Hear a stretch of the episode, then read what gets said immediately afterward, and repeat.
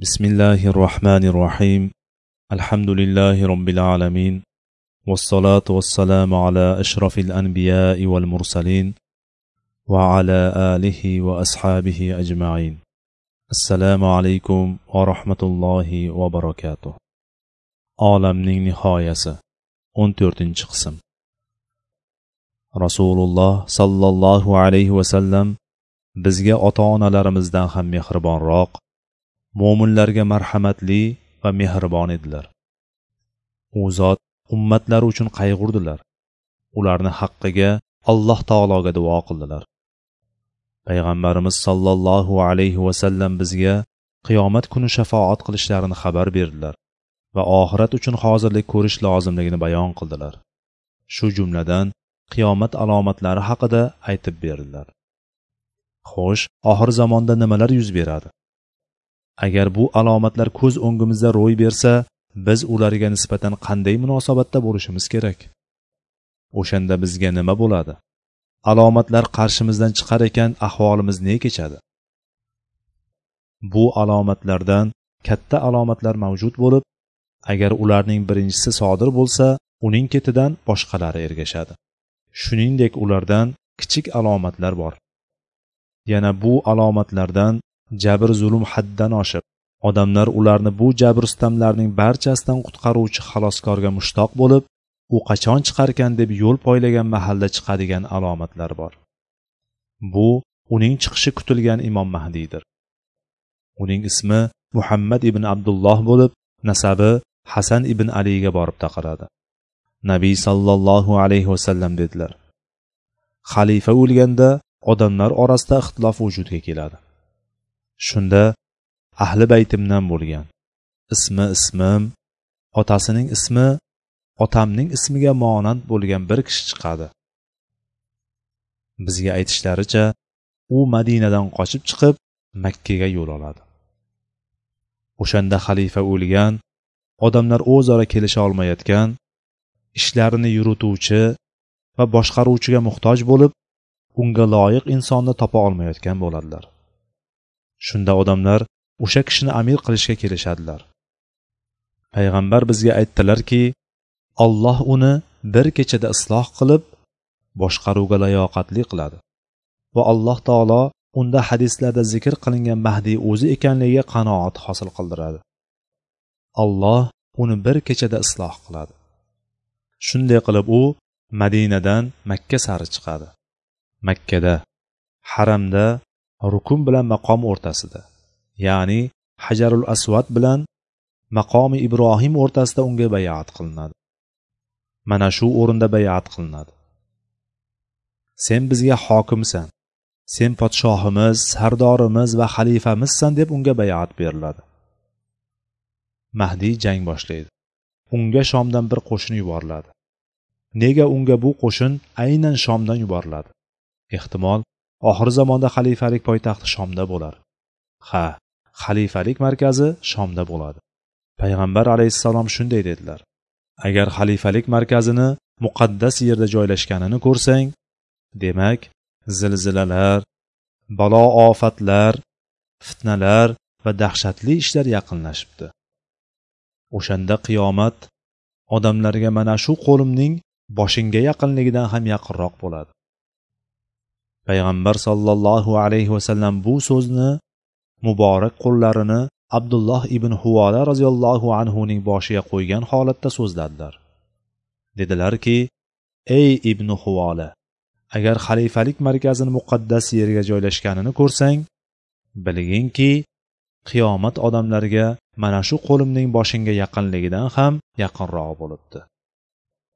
Ehtimol bu qo'shinni o'sha tomon shomdagi biron kishi jo'natgan bo'lishi yoki makka yo madina ahli yoxud arab yarim orolida yashovchi kishilar shomdan qo'shin talab qilgan bo'lishi mumkin. Nima bo'lishini rabbimiz yaxshi biluvchidir. Unga shomdan yuborilgan qo'shin keladi. Mahdiy esa makka haramida bo'ladi. O'sha qo'shin shomdan kirib keladi. Oysha roziyallohu anho dedilar. Kechalardan birida rasululloh sollallohu alayhi vasallam uxlar ekanlar tinchlari buzildi. Ya'ni u zot oyisha oldin ko'rmagan harakatni qildilar. Ota onam u zotga fido bo'lsin payg'ambar sollallohu alayhi vasallam uyg'onganlarida oysha u zotdan yo rasululloh sizga nima bo'ldi? deb so'radilar. U zot unga dedilar menga ahli baytimdan bo'lgan bir kishi ko'rsatildi va unga shomdan bir qo'shin yuborilajak. Boshqa bir rivoyatda bir kishi panoh izlab kabaga keladi. Shunda unga shomdan bir qo'shin yuboriladi. Bu qo'shin keladi. Ular cho'l yerlarida ekan ya'ni ular makka bilan madina orasidagi sahroda ekan bu oraliq qariyb besh yuz kilometr atrofida ular sahroda ekan ularni yer yutib ketadi. Oysha ey rasululloh ulardan birontasi ham omon qolmaydimi dedilar. Ulardan faqat boshqalarga ular haqida xabar beruvchi ularning xabarini yetkazib qichqiruvchi bir kishigina najot topadi dedilar. Shunda oysha yo rasululloh axir ularni ichida majburlab chiqarilgani va chiqishni istamasada boshlab kelingan avom xalq borku. Ularning holi nima bo'ladi ey rasululloh ularni ham qo'shin bilan birga yer yutadimi? dedi. Bir kishi panoh izlab kabaga keladi. Ya'ni haramga makkaga himoya izlab kiradi. Unga shomdan bir qo'shin yuboriladi. Ular sahro yerlarida bo'lganlarida ya'ni madinadan o'tib makkaga ketayotganlarida sahro yerlarida ekanlar ularni yer yutadi. Najot istab qichqiruvchidan boshqasi omon qolmaydi. Oysha yo rasululloh ularni ichida majburlanganiyu boshlab kelingani bo'ladiku dedi. Shunda payg'ambar alayhissalotu vassalom ularning hammasini yer yutadi. So'ngra niyatlariga ko'ra qayta tiriltiriladilar dedilar. Qiyomat kuni niyatlariga qarab qayta tiriltiriladilar. Sening niyating nima edi? Niyating musulmonlarga qarshi urushishmidi? Niyating mahdiy bilan kurashishmidi? Niyating islomga qarshi urushishmidi? Niyating musulmonlarga tazyiq o'tkazishmidi? O'shanda niyating nima edi deb so'raladi. Agar u zaif bo'lib majburlab chiqarilgan bo'lsa uning holi bunga rozi bo'lib chiqqan kishining holi kabi bo'lmaydi. Mahdiy fotima roziyallohu taolo anhoning zurriyotidandir. U qudratli va g'olib bo'ladi. O'sha qo'shin yerga yuttirilganida iroqning solih kishilaridan iborat bir necha jamoatlar va shom ahlidan bir necha guruhlar mahdiyning oldiga keladilar. Demak uning dovurug'i hammaga yetadi. Payg'ambar alayhissalotu vassalom bizga xabar berishicha mahdiy mol dunyoni sanamasdan butun holicha ulashadi. Shunday bir xalifa dunyoga keladiki u mol dunyoni hovuchlab ulashadi. Uni bittalab hisoblab o'tirmaydi. Bu xalifa mahdiy bo'lib u odamlar o'rtasida adolat qiladi. Ular orasida mol dunyoni taqsimlaydi. Bundan ko'rinadiki mahdiydan ilgari ham mol dunyo serob ekanu biroq kimlardir tomonidan o'g'irlanar va suiiste'mol qilinar ekan. Har bir xalifa podshoh hokim va ularning ayonlari davlat mol mulkini o'ziniki qilib olgan odamlar esa badavlat zaminda yashasalarda och nahor yo'qchilikda kun kechirar edilar. Mahdiy esa bu mol mulkni olib odamlarga beradi. O'ziniki qilib olmaydi va o'g'irlamaydi. Jarchi jar solib ey haloyiq kimga mol dunyo kerak bo'lsa bizga kelsin. Kim mol dunyo xohlasa oldimizga kelsin deydi. Biroq hech kim kelmaydi. Chunki odamlar badavlat bo'lib ketgan ularning qo'llarida mol mulk mo'l ko'l bo'lgan bo'ladi.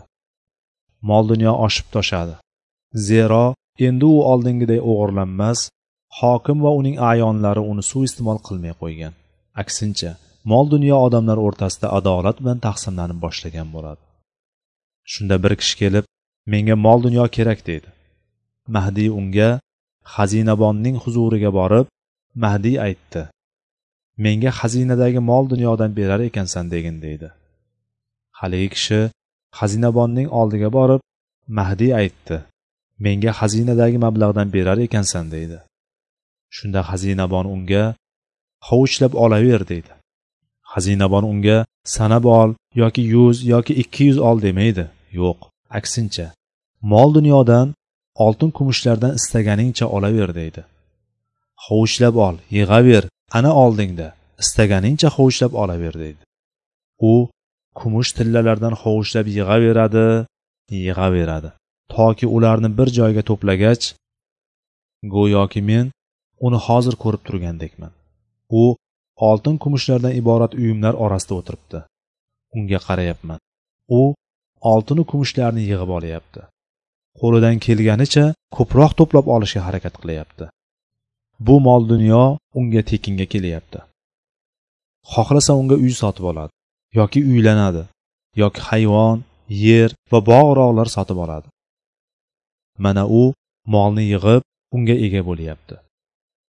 U mol dunyoni qo'lga kiritgach o'zicha o'ylab muhammad sollallohu alayhi vasallam ummati boyib qanoatli bo'lib bir men qolibmanda. Mahdiy kimga mol dunyo kerak bo'lsa bizga kelsin deb jar solyapti. Butun ummat ichidan faqat men keldima deydi va menga mol dunyo kerakmas deydi. Shunda xazinabon unga yo'q buni olasan. Chunki biz hadya qilib bergan narsamizni qaytarib olmaymiz deydi. Va ajab bu o'sha chiqishi kutilgan imom mahdiydir ha u mol dunyoni sanamasdan butunligicha odamlarga ulashadi. Zero u odamlar o'rtasida adolatli ularga zulm qilmaydigan ularni qo'yib biron narsani o'ziniki qilib olmaydigan xalifadir. Uning jarchisi nido qilganda o'sha kishi kelib menga mol dunyodan beringlar desa unga beradi. So'ngra odamlar ichida yolg'iz o'zigina dunyo so'rab kelganini anglagan bu kishi olgan tilla kumushlarni tashlab ketishni istaydi. Shunda unga olasan chunki biz bergan narsamizni qaytarib olmaymiz. Chunki biz bergan narsamizni qaytarib olmaymiz deyiladi. Mahdiy odamlar o'rtasida yetti yil hukm qiladi. Ayrim rivoyatlarda aytilishicha to'qqiz yil hukm qiladi. Allohga qasamki mahdiy zamonasi va uning hukmi ostida yashagan kishi naqadar baxtiyor insondir. Dajjol mahdiy davrida chiqadi. O'sha davrda mahdiy odamlar ustidan hukmronlik qilib qo'l ostidagi odamlar yaxshi solih insonlar bo'ladi. Shunda dajjol mashriq tarafdan shom bilan iroq orasidagi tepalikdan chiqadi. Dajjol xuroson tarafdan kela boshlaydi. Dajjol chiqqan paytda mahdiy saltanati mustahkamlanib boshqaruv va hokimiyat uning qo'lida bo'ladi. Musulmonlar turli shaharlarni fath qilgan xayr baraka ko'paygan va hayotlari farovon olloh amri bilan osmon yomg'irini yog'dirgan bo'ladi. Payg'ambar alayhissalotu vassalom mahdiy haqida shunday deydilar. Alloh unga yomg'irdan yog'diradi va yerga buyuradi shunda u o'simliklarni undiradi. Kishi adolat qilganda alloh osmon yomg'iri va yer o'simliklariga baraka beradi. Adolat ila ummatlar o'nglanajakdir. Umar ibn abdulazizning omborida tuxum kattaligidagi bug'doy doni topildi. Unga bu adolat kunlari ungan deb yozilgan edi. Agar hokim adolat qilib odamlar o'rtasini isloh qilsa osmon o'z xayr barakasini to'kib soladi va yer o'z o'simliklarini o'stiradi. Dajjol chiqar ekan mahdiy o'z hamrohlari orasida tinch farovon barqaror hayot kechirardilar. Ular shu holatda ekan dajjol chiqib ular tomonga otlanadi. Dajjol odamlarni dinlarida fitnaga solib ularni iymondan to'sa boshlaydi. Dajjol o'ng ko'zi g'ilay qiyshiq oyoq oq tanli jingalak sochdir. Dajjol odamlarni o'ziga ibodat qilishga chaqirib men rabbingizman deydi. Unda odamlarni fitnaga soluvchi talaygina narsalar bo'ladi. Mahdiy va uning hamrohlari unga qarshi kurasha olmaydilar. Dajjol xaroba yerga buyuradi. Shunda u xazinalarini chiqaradi va bu xazinalar dajjolga ergashadi. U bir qavmning oldidan o'tadi va ular dajjolga ishonmaydilar. Oqibatda tongda turib qarasalar yerlari behosil bo'lib mol dunyolaridan hech vaqo qolmagan bo'ladi. Mahdiy va uning ashoblari dajjoldan qochib tog'da jon saqlaydilar. Dajjol kelib ularga tazyiq o'tkaza boshlaydi. Bu vaqtda ular shomda bo'ladilar. Yo'qsa agar ular madinada bo'lganida edilar dajjol ularga yetib bormagan bo'lardi. Chunki dajjol madinaga ham makkaga ham kira olmaydi. Shunga ko'ra mahdiy va uning ashoblari shomda bo'ladi. Mahdiy va uning ashoblari tog'da ekanlar dajjol ular tomonga qarab keladi. Dajjol tog' yon bag'riga tushib ularni o'ldirish uchun oldilariga chiqishga harakat qiladi. Mahdiy va uning ashoblarining ahvoli va iso ibn maryam alayhissalom bilan bo'lgan qissalari nimalardan iborat ekan?